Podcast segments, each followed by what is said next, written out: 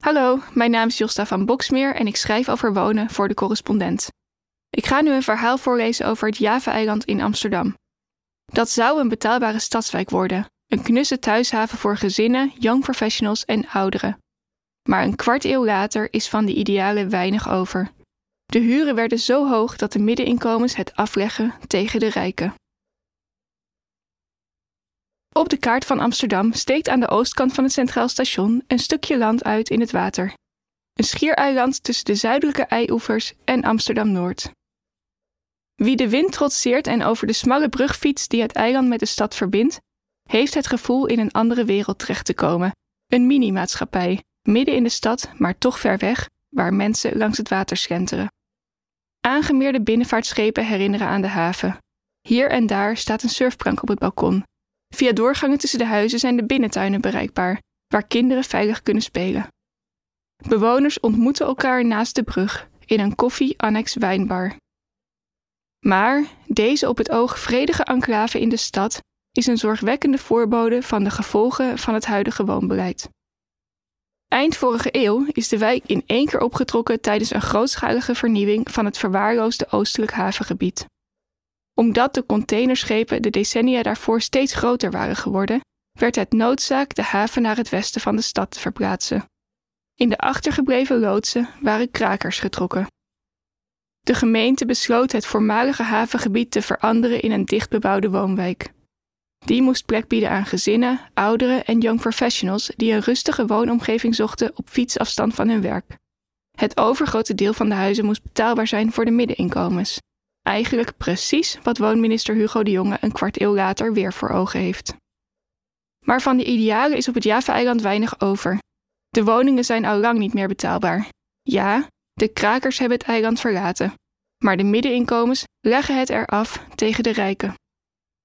Wat kunnen de beleidsmakers van nu leren van de geschiedenis van dit Amsterdamse schiereiland? Om te garanderen dat de woningen op het Java-eiland betaalbaar zouden blijven, besloot Amsterdam dat 30% van de huizen op het eiland sociale huur zou worden, in handen van een woningcorporatie. Nog eens 50% werd middenhuur. Voor de bouw van de laatste groep woningen ging de gemeente in zee met een partij die ze wel vaker grond gunde als er huizen nodig waren. BPF Bouw, het pensioenfonds voor de bouw. Het fonds beloofde de woningen ten minste 16 jaar lang betaalbaar te houden voor de middeninkomens, in ruil voor korting op de grondprijs. Architect Sjoerd Soeters won de wedstrijd voor het ontwerp van de wijk. Hij liet dwars door het eiland grachten graven om zo het straatbeeld van de binnenstad na te bootsen. De straatnamen herinneren aan de Indonesische eilanden waar ooit de schepen vandaan kwamen die bij het eiland aanmeerden. Het meest symbolisch was misschien wel de keuze voor de naam van de brug die het eiland met de zuidelijke eioever verbindt. Die werd vernoemd naar oud-wethouder Jan Schever, bekend van zijn uitspraak: In gelul kun je niet wonen. De bewoners die erbij waren, praten vol liefde over de begintijd. De inmiddels 80-jarige Francisca Kapitein en haar man Ari ontdekten het eiland nadat ze met de auto de stad binnenreden, op bezoek vanuit hun toenmalige woonplaats Castricum. Ari werkte als uitvoerder in de bouw en de grote hoeveelheid bouwkranen maakte het echtpaar nieuwsgierig.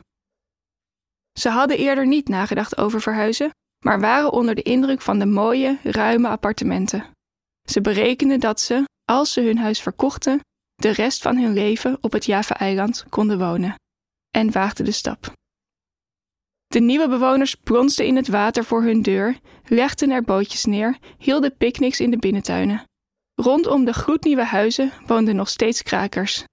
Francisca, die haar geblondeerde haar strak naar achteren draagt en netjes is opgemaakt, zegt: S'avonds was het dansen en zingen en er waren vuurtjes. Het was een paradijs om te wonen, echt waar. Er woonde een vrouw in een brandweerwagen, die was twee keer in verwachting, in die brandweerwagen. Het desolate oude haveneiland werd een thuis. Maar in 2012 kwam er een einde aan de idylle. Toen kregen de bewoners die vanaf het begin van BPF Bouw huurden een brief in de bus. Die kwam van de nieuwe eigenaar Bouwinvest, de zelfstandige vastgoedbelegger die het pensioenfonds in 2003 had opgericht. De afspraken met de gemeente over de hoogte van de huur waren inmiddels verlopen. 16 jaar leek lang, maar was achteraf gezien zo voorbij. Nu stelde Bouwinvest de bewoners voor de keus. Of de huur werd in één keer verhoogd naar de markthuur, wat een verhoging van zo'n 600 euro per maand kon betekenen, of ze zouden elk jaar een huurverhoging van de inflatie plus 5% krijgen. Nagenoeg alle huurders kozen voor het tweede. Die 600 euro per maand konden ze niet zomaar ophoesten. Maar ook die jaarlijkse aanpassing leverde hen in de 10 jaar die volgden een huurverhoging op van in totaal meer dan 40%. Het heeft de manier waarop Francisca en Ari kapitein naar de toekomst kijken ingrijpend veranderd, vertellen ze aan de lange eettafel in hun woonkeuken. Francisca serveert koffie met slagroom. Toen ze op het eiland kwamen wonen, betaalden ze 1450 gulden per maand voor hun woning van bijna 100 vierkante meter. Inmiddels is dat meer dan het dubbele, bijna 1500 euro. Ze zijn maandelijks ongeveer de helft van hun inkomen kwijt aan de woonlasten. Ari zegt: De pensioenen worden al 15 jaar niet meer verhoogd, terwijl de huren ieder jaar echt wel flink omhoog gaan. Francisca is bang voor wat er gebeurt als een van beiden komt te overlijden. Ze zegt: Dan moet je helemaal een greep uit je kast doen. Ze zouden wel een kleinere woning willen, zegt ze met een gebaar naar de grote zitkamer met een chic donker, hoogpolig vloerkleed. Ze zegt: Je moet het schoonhouden. Maar vind maar eens een kleinere woning die geschikt is voor ouderen. Daar zijn er veel te weinig van in Nederland. De kapiteins zijn lang niet de enige die klem zitten door de hoge huur. Een stukje verderop woont de 52-jarige Karen Verstegen. Vanuit haar woonkamer kijkt ze uit over het water, waar binnenvaartschepen langs varen. Aan de overkant ligt Amsterdam Noord, met een bos en een industrieterrein dat nu wat rommelig oogt, maar waar over een aantal jaar ook nieuwe huurwoningen voor de middeninkomens moeten staan. Maar het wijdse uitzicht maakt niet goed dat Karens woning veel te klein is. Tussen de bank waar ze op zit en het raam past nog net een televisiekastje. Achter haar staat haar bed. Vanuit de kamer doet ze, naast haar baan als MBO-docent aan het Media College, ook een deel van de redactie voor Pride TV. Er is nog een kamer in het appartement van zo'n 60 vierkante meter, maar die is van haar 23-jarige zoon. Ze zegt: Het liefst zou ik er nog een kamer bij hebben, maar dan was het helemaal onbetaalbaar. Toen Karen en haar zoon verhuisden in 2013 na de scheiding van haar man, kostte de woning 850 euro per maand. Ze zegt: Als alleenstaande moeder was dat al best een bedrag, maar je komt er nog wel uit. Inmiddels bedraagt de kale huur 1200 euro. Samen met de energiekosten eet de huur bijna de helft van haar inkomen op. De gemeente heeft ook nog besloten dat bewoners van gebouwen met een parkeergarage in die garage moeten parkeren en geen vergunning meer krijgen voor een parkeerplek op straat. Dus is Karen waarschijnlijk nog eens 110 euro per maand kwijt aan de garage, in plaats van de kleine 25 euro die ze betaalde voor een parkeervergunning. Ze raakt soms in paniek bij de gedachte aan de toekomst, zegt ze. Ik werk in het onderwijs en naast de zorg hebben ook wij in het epicentrum van COVID gezeten. Ik heb collega's die long-COVID hebben. Voor mij zou dat betekenen dat ik minder kan werken en dan moet ik mijn huis uit. Ook als er iets anders gebeurt of ik mijn werk af wil bouwen, kan dat niet. En dan zijn Karen en de kapiteins nog op het eiland blijven wonen. Wissel Wissing, voorzitter van de huurdersvereniging, vertelt hoe hij de afgelopen jaren buren heeft zien vertrekken. Uit onderzoek dat de vereniging samen met de Woonbond heeft gedaan, bleek dat tussen 2016 en 2019 de helft van de bewoners die op het eiland een woning in de vrije sector huurden, is vertrokken. Terwijl hij een slok neemt van zijn espresso in de lobby van Hotel Jakarta, een chic, grotendeels uit hout gebouwd hotel op de punt van het eiland, zegt Wissing, hier op het eiland ken ik mensen die meer dan de helft van hun inkomen aan huur betalen. Dat is, om het even cru te zeggen, van God los. En dat hou je niet eeuwig vol. Wissings blauwe pak en witte gimpen verraden dat hij altijd een representatieve functie heeft gehad. Tot aan zijn pensioen was hij belangenbehartiger voor kunstenaars. Maar net als zijn buren zit de eindzestiger ook behoorlijk klem. Hij betaalt tegenwoordig 1800 euro per maand, 600 euro meer dan toen hij in 2012 in zijn huidige huis kwam wonen. Dat veel mensen verhuizen heeft gevolgen voor de sfeer in de buurt. Wissing zegt: Je ziet dat hier een hele groep nieuwe mensen is komen wonen. Hij doelt op mensen die voor één of twee jaar een huis zoeken, na een scheiding of omdat ze een baan hebben gevonden in Amsterdam. Daarna zijn ze weer weg. Hij vervolgt terwijl een buurt pas gaat leven als er samenhang is, een vaste groep mensen. Die zie je hier verdwijnen. Het Java-eiland was bedoeld als thuishaven. Maar een plek waar je zo lang kunt blijven als je wilt, waar je samen oud kunt worden, dat is het alleen nog voor wie het kan betalen. Francisca hoort van jongere buren dat ze sparen voor een eigen woning. Zodra ze die kunnen betalen, vertrekken ze. Als gevolg daarvan ziet ze steeds nieuwe gezichten in de lift. Ze vertelt: ze zeggen ook niets meer. Ze hebben er geen behoefte aan of ze spreken geen Nederlands. Ik weet het niet. Wat de bewoners van het Java-eiland ervaren, heet in het Engels place-based displacement, zegt stadsgeograaf Wouter van Gent, die onderzoek doet naar gentrificatie en segregatie in steden. Alsof je in een vreemde omgeving terechtkomt, maar dan zonder te zijn verhuisd. Hij zegt: De mensen die er al wat langer wonen, hebben een deel van hun identiteit verbonden aan het feit dat ze daar wonen. Nu zien ze de buurt veranderen en krijgen ze het gevoel dat ze er niet meer helemaal thuis horen. Het vertrek van mensen die de huren niet meer kunnen opbrengen, kan volgens Van Gent uiteindelijk leiden tot supergentrificatie. Dat is een proces waarbij een buurt zelfs niet langer betaalbaar is voor de hogere middenklasse, maar alleen nog voor de echt rijken. Denk aan Brooklyn Heights in New York of de duurdere wijken in Londen. De huurdersvereniging probeert het tijd te keren door Bouwinvest ieder jaar te vragen de huur te verlagen. Tot nu toe zonder resultaat. Het heeft tot gevolg dat er op het eiland een vijandbeeld is ontstaan van de belegger.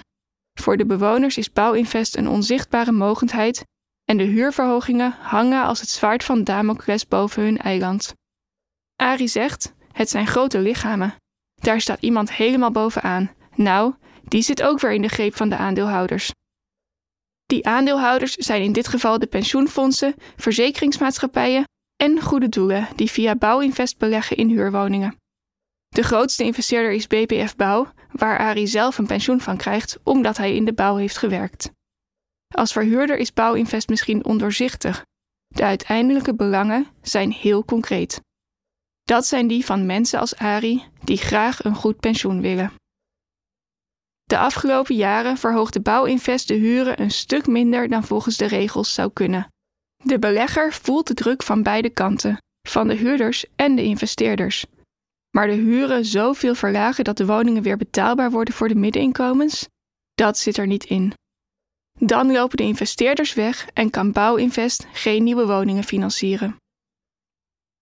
Kijkend over het water vraagt Karen zich af of ze dan maar de stad uit moet verhuizen. Ze zegt: Mensen die buiten de stad wonen zeggen: Waarom blijf je in Amsterdam? Maar mijn kind heeft hier zijn leven en ik ook. Een huis is meer dan alleen een stapel stenen voor mij.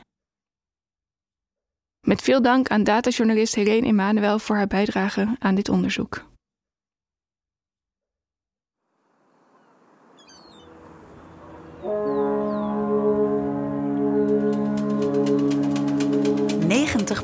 Van onze spullen komt uit een container. 90%. Zonder die stalen doos ligt de hele wereldeconomie op zijn gat. En zou jouw leven er totaal anders uitzien. Hier komen dus nieuwe kaders om straks 20 miljoen containers te kunnen laden elders. En toch komt de container in bijna geen enkel geschiedenisboek voor. En weten we nagenoeg niets over de reis die onze spullen erin over de wereld afleggen. Het is een ongelooflijk bewijs dat we als Nederland iets kunnen. En hier zijn we goed in. En dat laten we hier de hele wereld zien. Het is een bizarre paradox. Containerschepen behoren tot de grootste door mensen gemaakte dingen op aarde. En ze zijn tegelijk totaal onzichtbaar. En duik je in de wereld van de container, dan zie je ineens dat die stalen doos van alles verbergt. Ja, totaal is er 3,2 miljoen kilo rotzooi in zee beland. Er is een criminalisering opgetreden van zeevarenden. Het wordt echt een gevangenis. Some of the worst cases are over four years that seafarers have been left on board. They haven't gone home. They haven't been paid. Gaat het hier eigenlijk over monopolievorming? Ja. In deze podcastserie zetten Maaike Goslinga en ik, Maite Vermeulen, een schijnwerper op de verborgen wereld van ons goederenvervoer op zee. Om te snappen hoe onze spullen bij ons komen en wie daarvoor de prijs betaalt. We always have our aha moments. Um... What was yours? Luister nu naar Containerbegrip, een podcast van de correspondent. Het gaat af en aan, het gaat dag en nacht door. Jaar in jaar uit. Ik vraag me wel eens af wie maakt dat allemaal op.